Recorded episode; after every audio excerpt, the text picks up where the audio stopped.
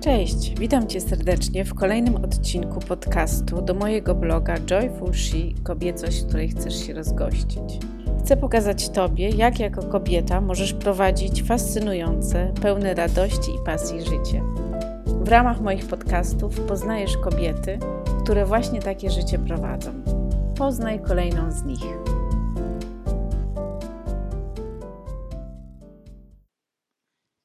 Dziś zapraszam Was na spotkanie z Bereniką Orłowską, kobietą, która niestrudzenie i z wielką pasją od wielu lat realizuje wizję, którą znała już jako ośmioletnia dziewczynka. Skąd czerpie siłę, żeby podążać za swoją wizją, co ją inspiruje i jak radzi sobie z trudnościami, tego dowiecie się z naszego spotkania. Serdecznie zapraszam. Berenika, prowadzisz na Suwalszczyźnie agroturystykę, ale to nie tylko to. Poza tym masz gabinet psychoterapii, gabinet masażu.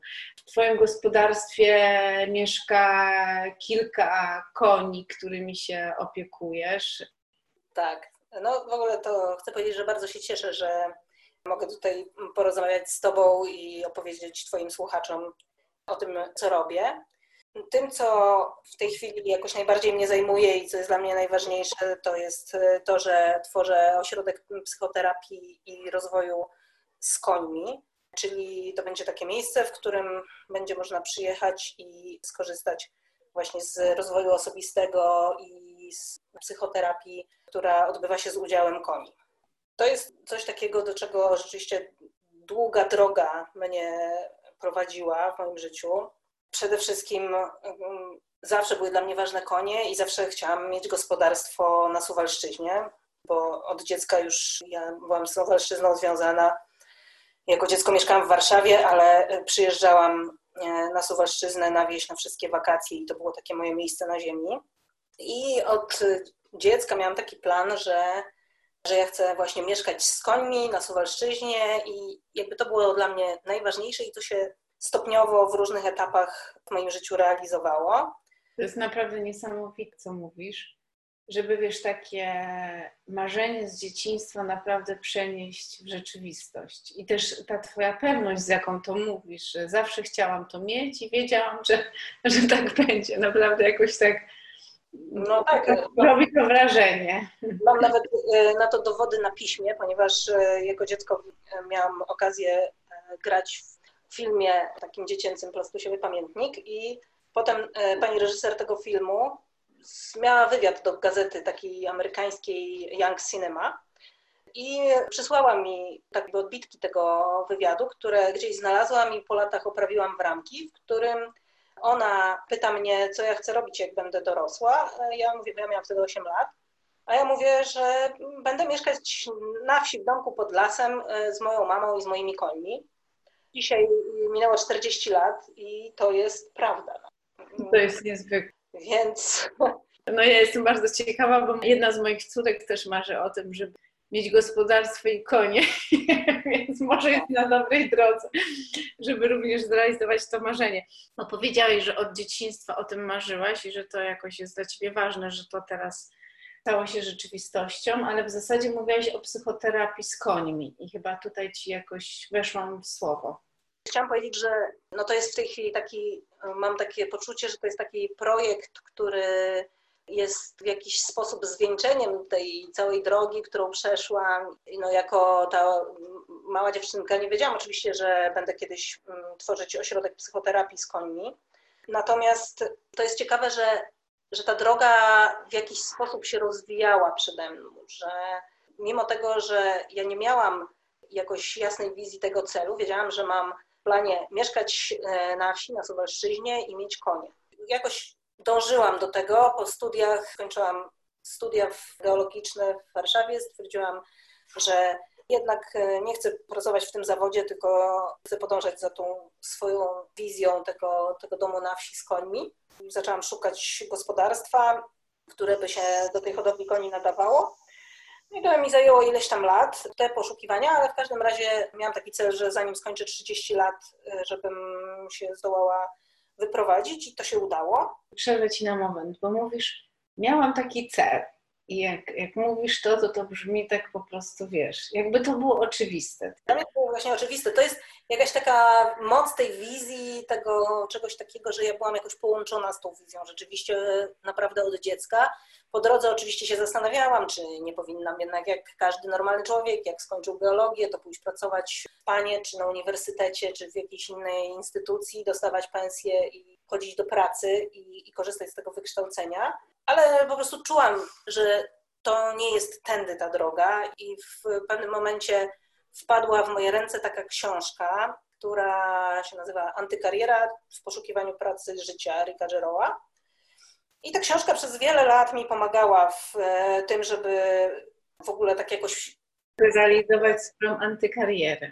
Żeby realizować antykarierę, żeby się zgodzić, wiesz, z tą wizją. Bo jak się robi coś takiego, co jest w takim mainstreamowym mm, pojęciu szalone, to nie jest to takie proste, ponieważ jest zawsze wiele osób, które mówią, no co ty tam zdechniesz z głodu na tej wsi, co ty tam będziesz robić, jak ty tam będziesz zarabiać pieniądze, a to nie jest tak, że ja miałam gotowe odpowiedzi na to, ja miałam tą wizję, wiedziałam, gdzie chcę mieszkać i e, nawet e, też rysowałam takie obrazki, które, które to przedstawiały. Także to była wizja i miałam takie poczucie, że potrzebuję za nią podążać, natomiast no, musiałam po drodze też pokonywać różne przeszkody. Na przykład jak okazało się, że żaden bank nie chce mi dać kredytu za bardzo na to moje gospodarstwo.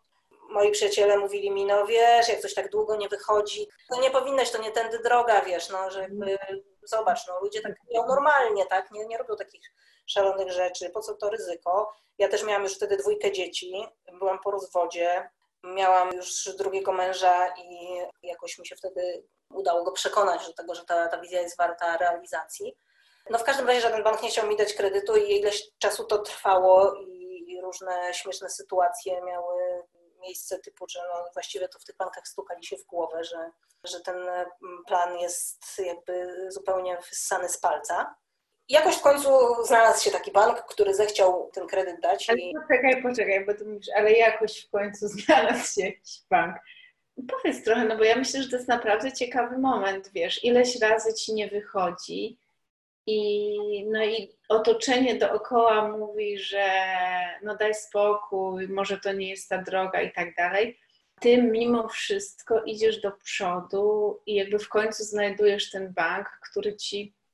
Tak, ale, ale powiem szczerze, że tutaj rzeczywiście ja bardzo dużo zawdzięczam po prostu tej książce, która dokładnie o tym mówi. No dobrze, ale co wzięłaś sobie z tej książki? Ta książka, ona w ogóle wiąże bardzo z ciałem sprawę kariery Eric Gero ma taką koncepcję, że kariera musi być zakorzeniona w ciele i stosuje taką pracę z czakrami, siedmioma czakrami, takimi ośrodkami energetycznymi w ciele.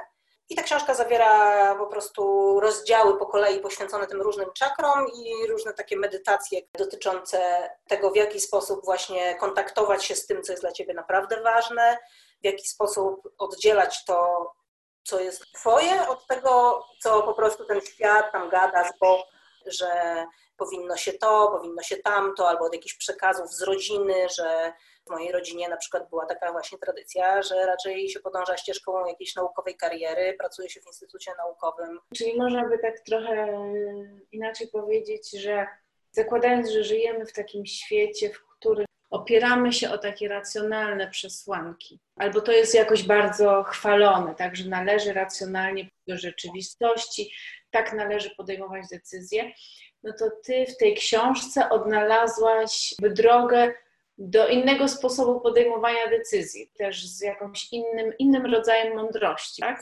Chciałem z uczuciami, z intuicją, właśnie z takimi wizjami, które raz po raz przychodzą. Poza tym, że, że skorzystałaś z tej książki, ona ci pokazała tą ścieżkę dostępu, to też jakoś niezwykłe jest to, że naprawdę miałaś tą odwagę, żeby się na tą ścieżkę zdecydować. Y. Ja myślę, że niezwykłe jest w ogóle to, że no ja jednak miałam od dziecka takie, taką, taką jasną wizję tego, Aha. ja to potrzebuję zrobić, że dużo osób nie ma takiej wizji mhm. i też sporo czasu zajmuje, zajmuje im szukanie tego to samo to, żeby podążać za tymi wizjami, jest e, dość trudnym zadaniem.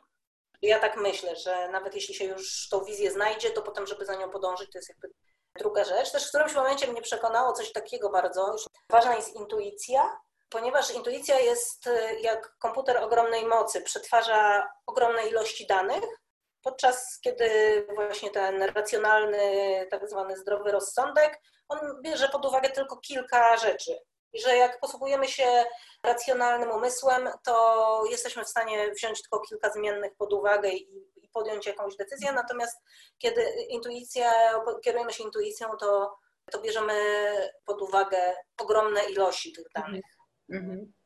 I to jakby jest, jest racjonalny argument za czymś no, nieracjonalnym. I masz to, zrealizowałaś e, to marzenie, jest gospodarstwo, są... Znaczy, kupiłam, tak, kupiłam stare gospodarstwo z rozwalającym się domem, w którym okazało się potem, e, że studnia nie działa i że no jakby trzeba zmierzyć się z wieloma takimi naprawdę przyziemnymi problemami co z jednej strony ja trochę wiedziałam o tym, e, jak to jest. Dużo żyłam w takim wiejskim domu w tym czasie, kiedy no, mogłam sobie na to pozwolić tam w jakieś wakacje, ale jednak to było co innego, kiedy już z dziećmi wyprowadziłam się na stałe, dzieci chodziły tu do szkoły. Mogłabym długo opowiadać o różnych przygodach. No więc jest zima, okazuje się, że studnia, w której, która była tam w sadzie, po prostu woda w niej się wyczerpała. Do wsi, e, z mojego gospodarstwa do wsi jest około kilometr jest taka zima, że jest duży mróz, mnóstwo śniegu i znajduje się po prostu mój sąsiad, który jest tak miły i dobry, że co drugi dzień czy co trzeci przywozi mi bańce po mleku, takiej dwudziestce, sankami, koniem, od siebie wodę do picia. Mhm. Bo ja nawet sobie wcześniej sprawiłam terenowy samochód, ale tego śniegu było tak dużo, że ten terenowy samochód okazało się, że też nie, zupełnie nie radzi sobie z, z tym śniegiem. Pamiętam ten dźwięk dzwonka tych sanek i tego sąsiada, który właśnie przywozi mi tą wodę. Tego typu atrakcje jakby czekają na, na osoby, które się decydują na podążanie za swoją wizją. Tak, tak, tak. To brzmi bardzo zachęcająco. No właśnie, chciałam, chciałam, żeby tak wiesz, nie słodzić tylko, tylko żeby nam przedstawić realnie. Re, realnie, jak to wygląda. No, no wiesz, to zależy, jak spojrzymy na, na życie, czy na to, czego oczekujemy w życiu, bo ja sobie tak myślę w różnych momentach, że e, trochę taka wizja czy fantazja na temat rzeczywistości, którą nam się teraz sprzedaje w mediach, w postaci takiego wygodnego życia, które jest sielanką, jest też taką pułapką, bo tak naprawdę ta sielanka pozbawiona jest jakiejkolwiek treści, przygody, y, tego prawdziwego życia, jest tylko pewnym obrazkiem. Być może niektóre z tych wyzwań są faktycznie jakoś trudne i wymagają jakiegoś wielkiego wysiłku, żeby je przetrwać, ale jednak to jest to, co potem tworzy tą treść Twojego życia, o której możesz wieczorem wnukom opowiedzieć. Przyszło mi do głowy jeszcze jedno pytanie. Co takiego w tej całej wizji, którą stworzyłaś, było dla ciebie na tyle ważne, że gotowa byłaś na jakiś rodzaj też, nie wiem, właśnie wyrzeczeń, wyzwań? Ja myślę, że jak się ma taką wizję, to jest taki calling, w sensie takim, że jakby coś cię wzywa, do końca wiesz co, tak? Dlatego, że po prostu no, to jest tak, że ja podąży, podążałam jakąś drogą, miałam jakieś wyobrażenia, które te wyobrażenia się zmieniały z czasem. Miałam w planach prowadzenie szkółki jazdy konnej, byłam instruktorem, bo wcześniej właśnie w ramach przygotowań do życia na wsi zrobiłam kurs instruktorski, ja całe życie jeździłam konno, więc zrobiłam kurs instruktora rekreacji ruchowej ze specjalnością jeździectwo oraz prawo jazdy, co mi się bardzo przydało, więc byłam trochę przygotowana. No ale na początku mm, tych klientów też do tej szkółki jeździeckiej było niewielu. I to wszystko właśnie było raczej nie wiadomo czym, tylko głównie było traperską przygodą i pokonywaniem kolejnych trudności. Potem taka była przygoda, że ten dom, w którym mieszkałam, ja miałam w planie go remontować, ale architekt powiedział mi, że właściwie to trzeba dwie trzecie tego domu rozebrać, żeby go wyremontować. Więc ja powiedziałam, no to może zbudujmy nowy, bo po co ja będę y, jeszcze się męczyć, rozbierać stary, nie będę miała gdzie mieszkać w tym czasie. No i zaczęliśmy budować nowy, jakoś ten projekt się rozrósł, potrzebne były kolejne pieniądze, żeby ten dom dokończyć. To były jakieś takie kolejne też etapy, że ta wizja ona żyła trochę własnym życiem, a, a ja jakoś starałam się wyrobić na tej drodze, żeby, mm -hmm. żeby po prostu to zrealizować. No i tak, i w każdym razie w którymś momencie stanął ten nowy dom. Okazało się wtedy, że ten stary jednak da się wyremontować, także on e, do dzisiaj służy gościom, którzy tutaj przyjeżdżają. W tym e, nowym domu zamieszkaliśmy i już w pewnym momencie ten etap można powiedzieć, że się zrealizował, czyli agroturystyka działała, ja prowadziłam szkółkę jazdy konnej, ale wtedy z kolei okazało się, że ja nie mogę dłużej tego robić. Kolejny etap drogi mnie woła. Ja nie chciałam się trochę na początku na to zgodzić. Mówiłam, dobra, już doszłam do tego, mam agroturystykę, mam szkółkę jazdy, to może niech, niech to, to, jakiś czas taka stabilizacja potrwa, ale działy się takie rzeczy, że ja na przykład dostawałam anginę ropnej nistegonizowego w środku lata, kiedy było najwięcej klientów, nie mogłam prowadzić jazd. Potem sezon się kończył, angina mi przechodziła i...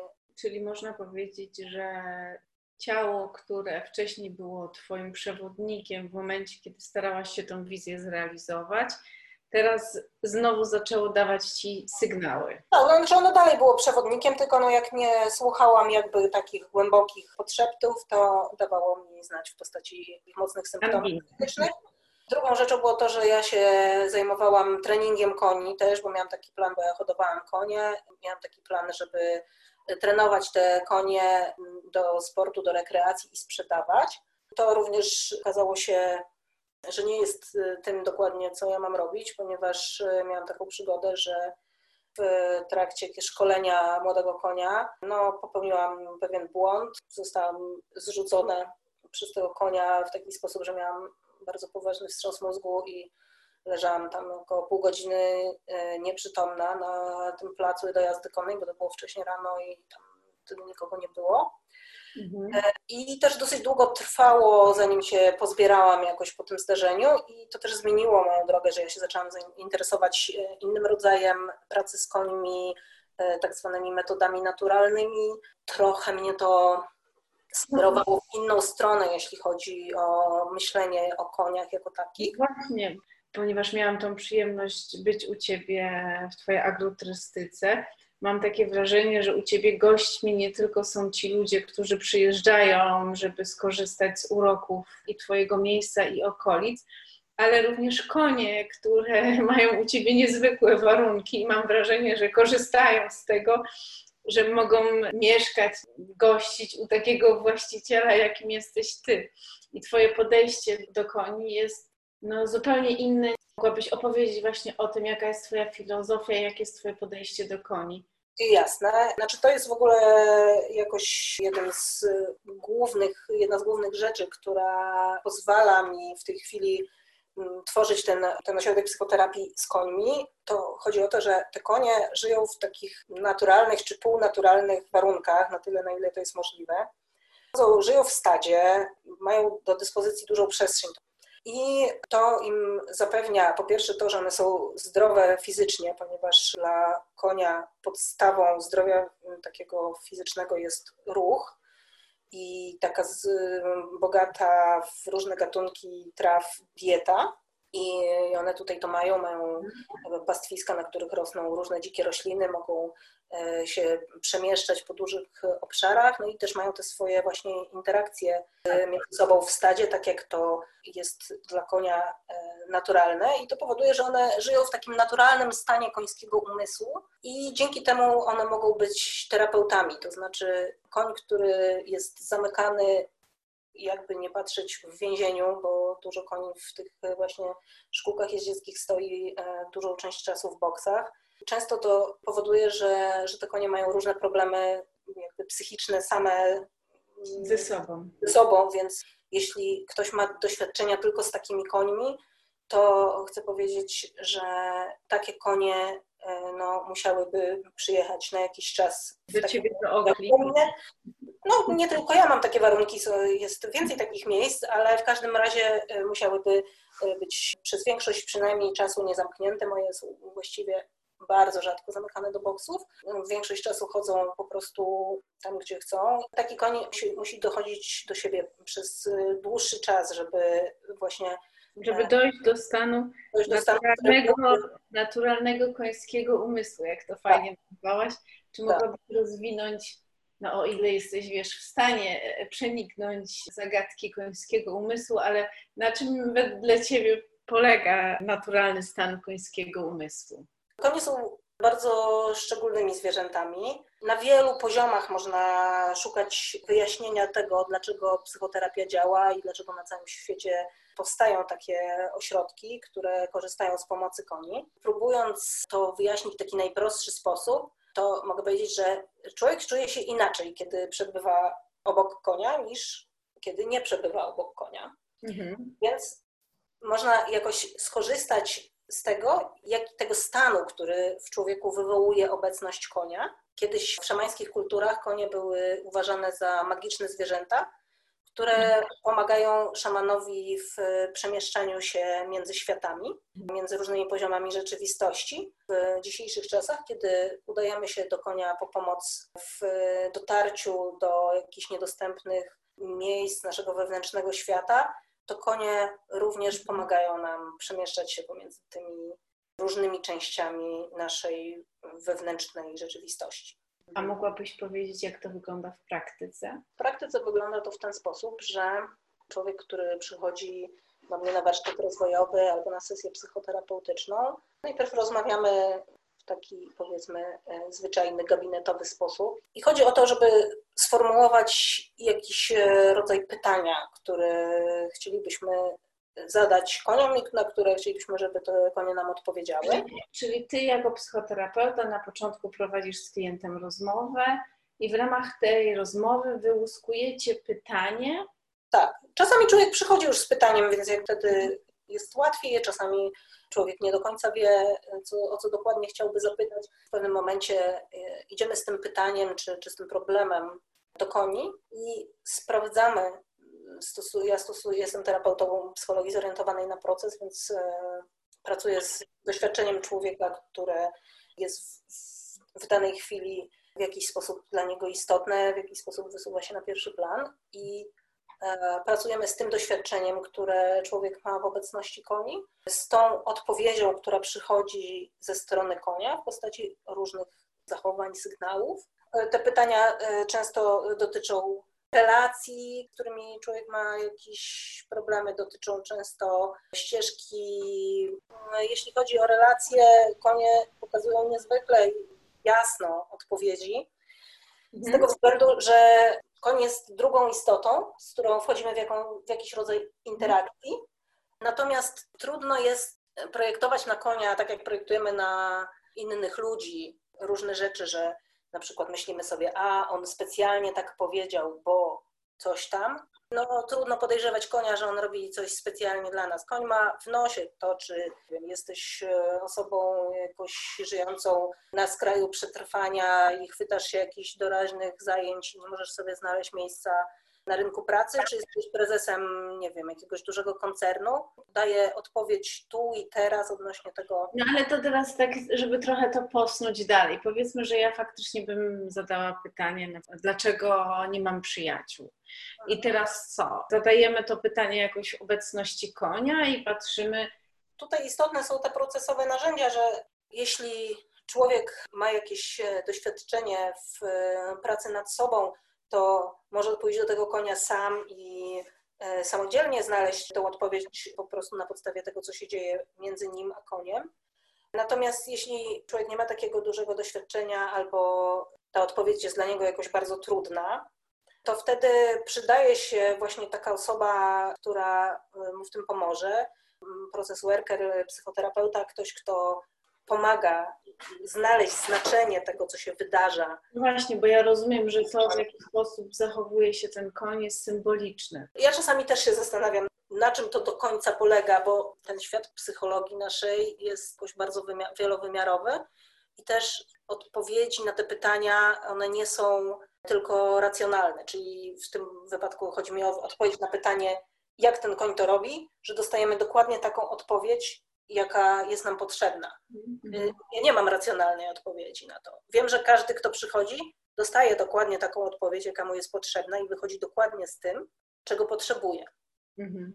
I gdzieś przychodzi mi do głowy coś takiego, że inaczej nie może się wydarzyć, bo faktycznie wydaje mi się, że koń po prostu jest naprawdę zupełnie tutaj bezinteresowny. Tak, koniec zupełnie bezinteresowny i też koniec... Człowiek jakoś chyba jednak nie do końca, bo w jakiś sposób jednak e, zdaje się być zaangażowany w tą sytuację, daje tą odpowiedź. Jeśli przyjmiemy taką optykę, że te odpowiedzi przychodzą z jakiejś symboliczno-magicznej rzeczywistości, to konie po prostu jakby są w niej zanurzone cały czas i z tego względu jest to możliwe, żebyśmy my, będąc większość czasu zanurzeni jednak w naszej uzgodnionej rzeczywistości, w takim codziennym życiu, prosimy konia o pomoc, żeby uzyskać z jakiegoś innego poziomu tę odpowiedź. Że one tam po prostu jakby mieszkają bardziej niż my.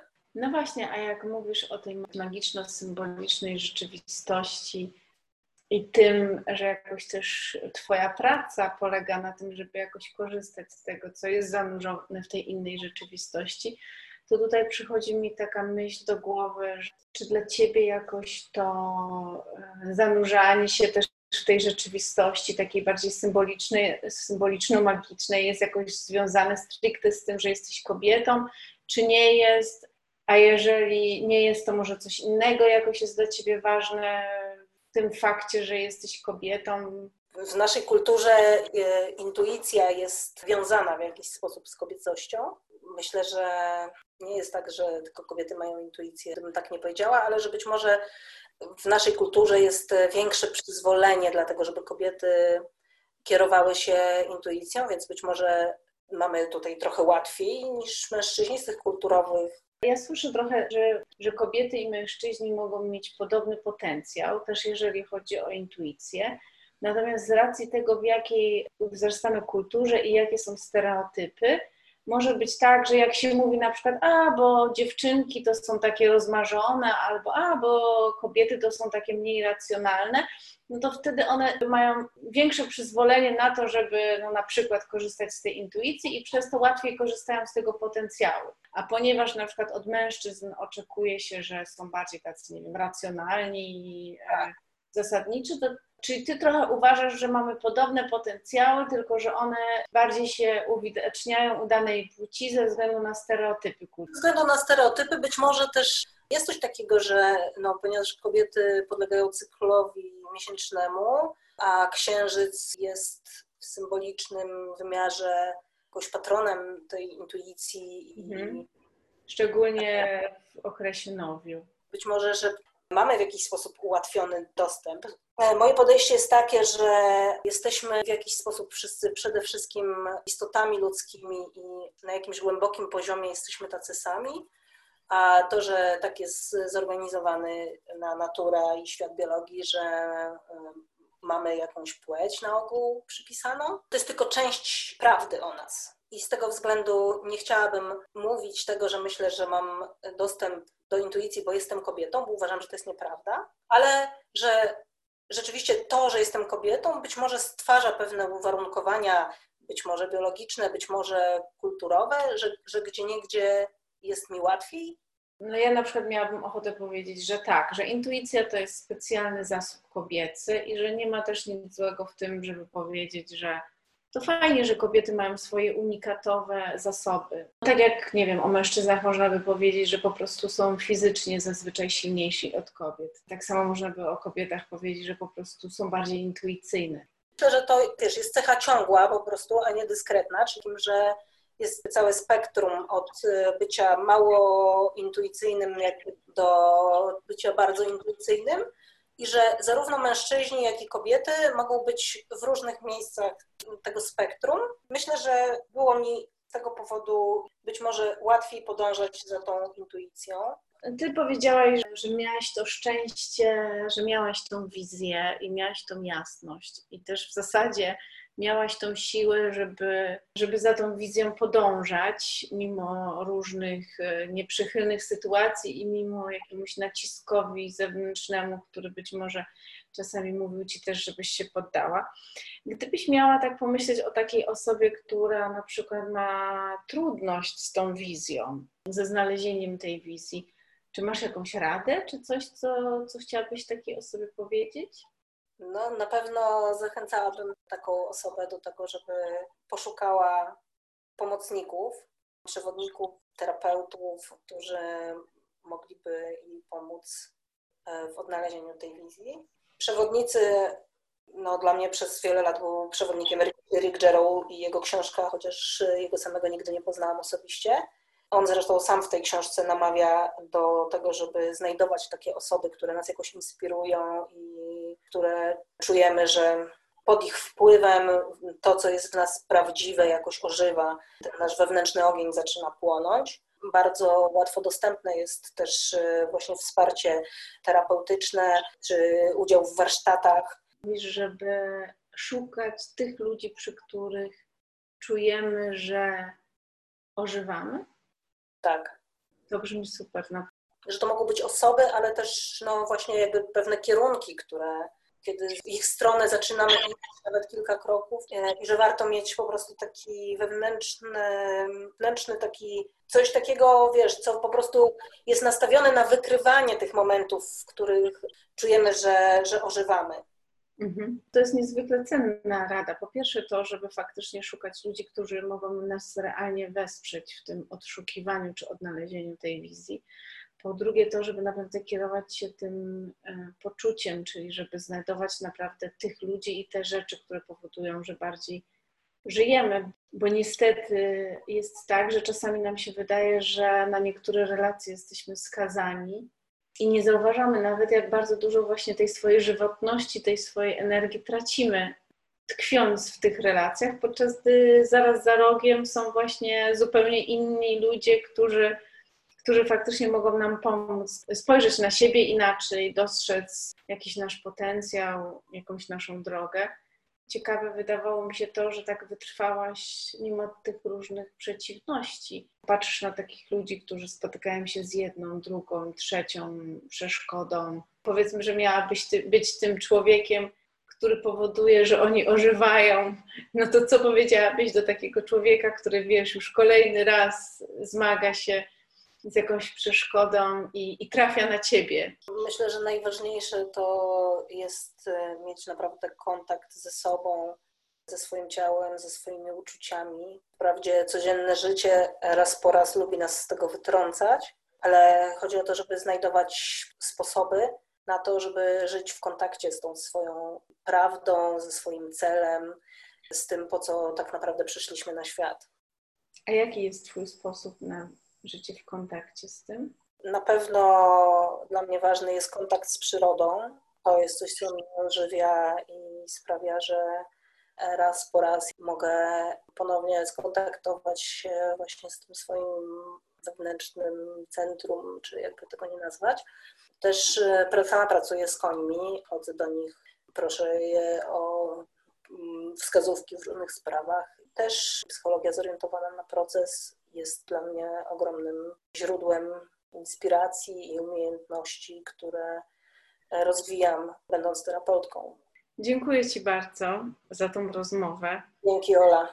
Mam nadzieję, że, e, że Twój ośrodek będzie się rozwijał i że razem z Twoimi końmi staniecie się faktycznie takim miejscem, w którym ludzie, no tak jak to fajnie powiedziałeś, będą ożywać. Kiedyś słuchałam takiego wywiadu z Fritzem Persem, już był, w zasadzie to był wywiad rok, rok przed jego śmiercią. On opowiadał o psychoterapii akurat gestaltowskiej, ale ktoś mu zadał pytanie, na czym ona polega i on powiedział, że we make real people out of paper people. I tak trochę jak o tym ożywaniu mówiłaś, to mi się to kojarzyło z tym właśnie robieniem ży żywych ludzi zamiast papierowych, papierowych ludzi. No więc ja Tobie życzę, żeby Twój ośrodek e, przyciągał e, takich ludzi, którzy chcą ożywać i żeby to miejsce było żywe i takie w zasadzie, jakie mm, już teraz jest i żebyś miała z tego dużo satysfakcji. I wielkie dzięki za tą rozmowę. Dzięki wielkie, Ola. Niech się tak stanie, jak mówię. Niech tak się stanie. Mam nadzieję, że ten podcast był dla Ciebie ciekawą inspiracją.